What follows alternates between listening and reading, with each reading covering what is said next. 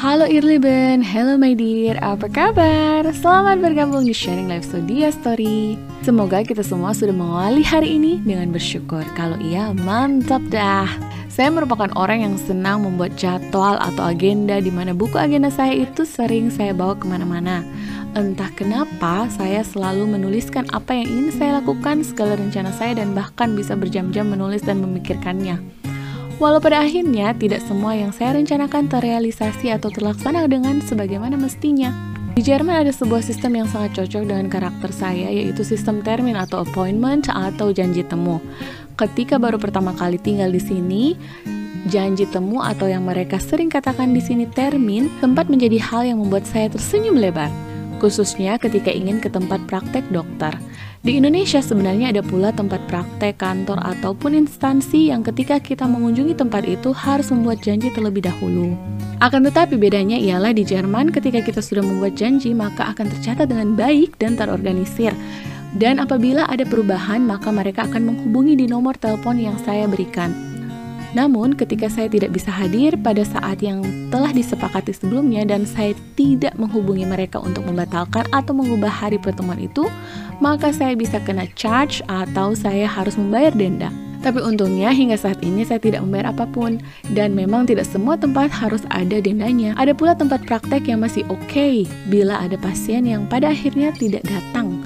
Nah, itu untuk kasus bila saya ke dokter, hanya untuk check up. Sedangkan bila saya sakit, maka saya bisa langsung ke tempat praktek dokter dan menunggu giliran, karena mereka akan mengatur agar sesuai dengan pasien yang sudah memiliki janji terlebih dahulu.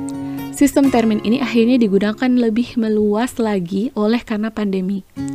Pada awal bulan Maret 2021 lalu, setelah banyak tempat usaha yang di lockdown akhirnya diberikan izin untuk beroperasi lagi, seperti toko baju, toko sepatu, salon, dan masih banyak lagi dengan aturan bahwa setiap pelanggan harus membuat janji terlebih dahulu.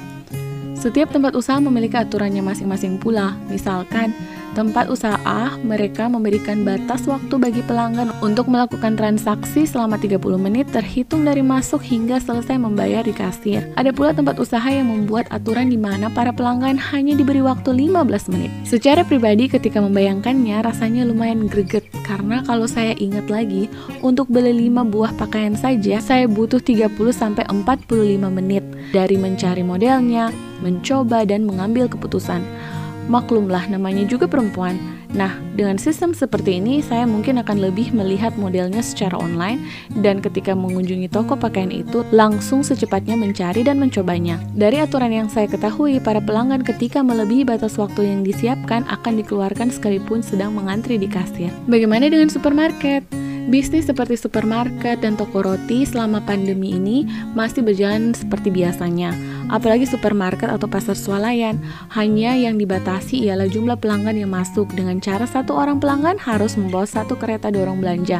Entah akhirnya ada yang beli atau tidak, yang pasti harus membawa kereta belanja itu atau yang sering kita sebut troli. Nah, troli yang disediakan oleh pasar swalayan itu sendiri dibatasi karena dengan demikian memudahkan mereka untuk mengetahui berapa banyak pelanggan yang berada di dalam toko. Untuk toko roti sendiri yang kira-kira tahun 2020 lalu sempat ditutup dan akhirnya dibuka juga hingga saat ini. Namun bagian kafe yang ada dalam toko roti di mana pelanggan bisa makan di tempat masih ditutup.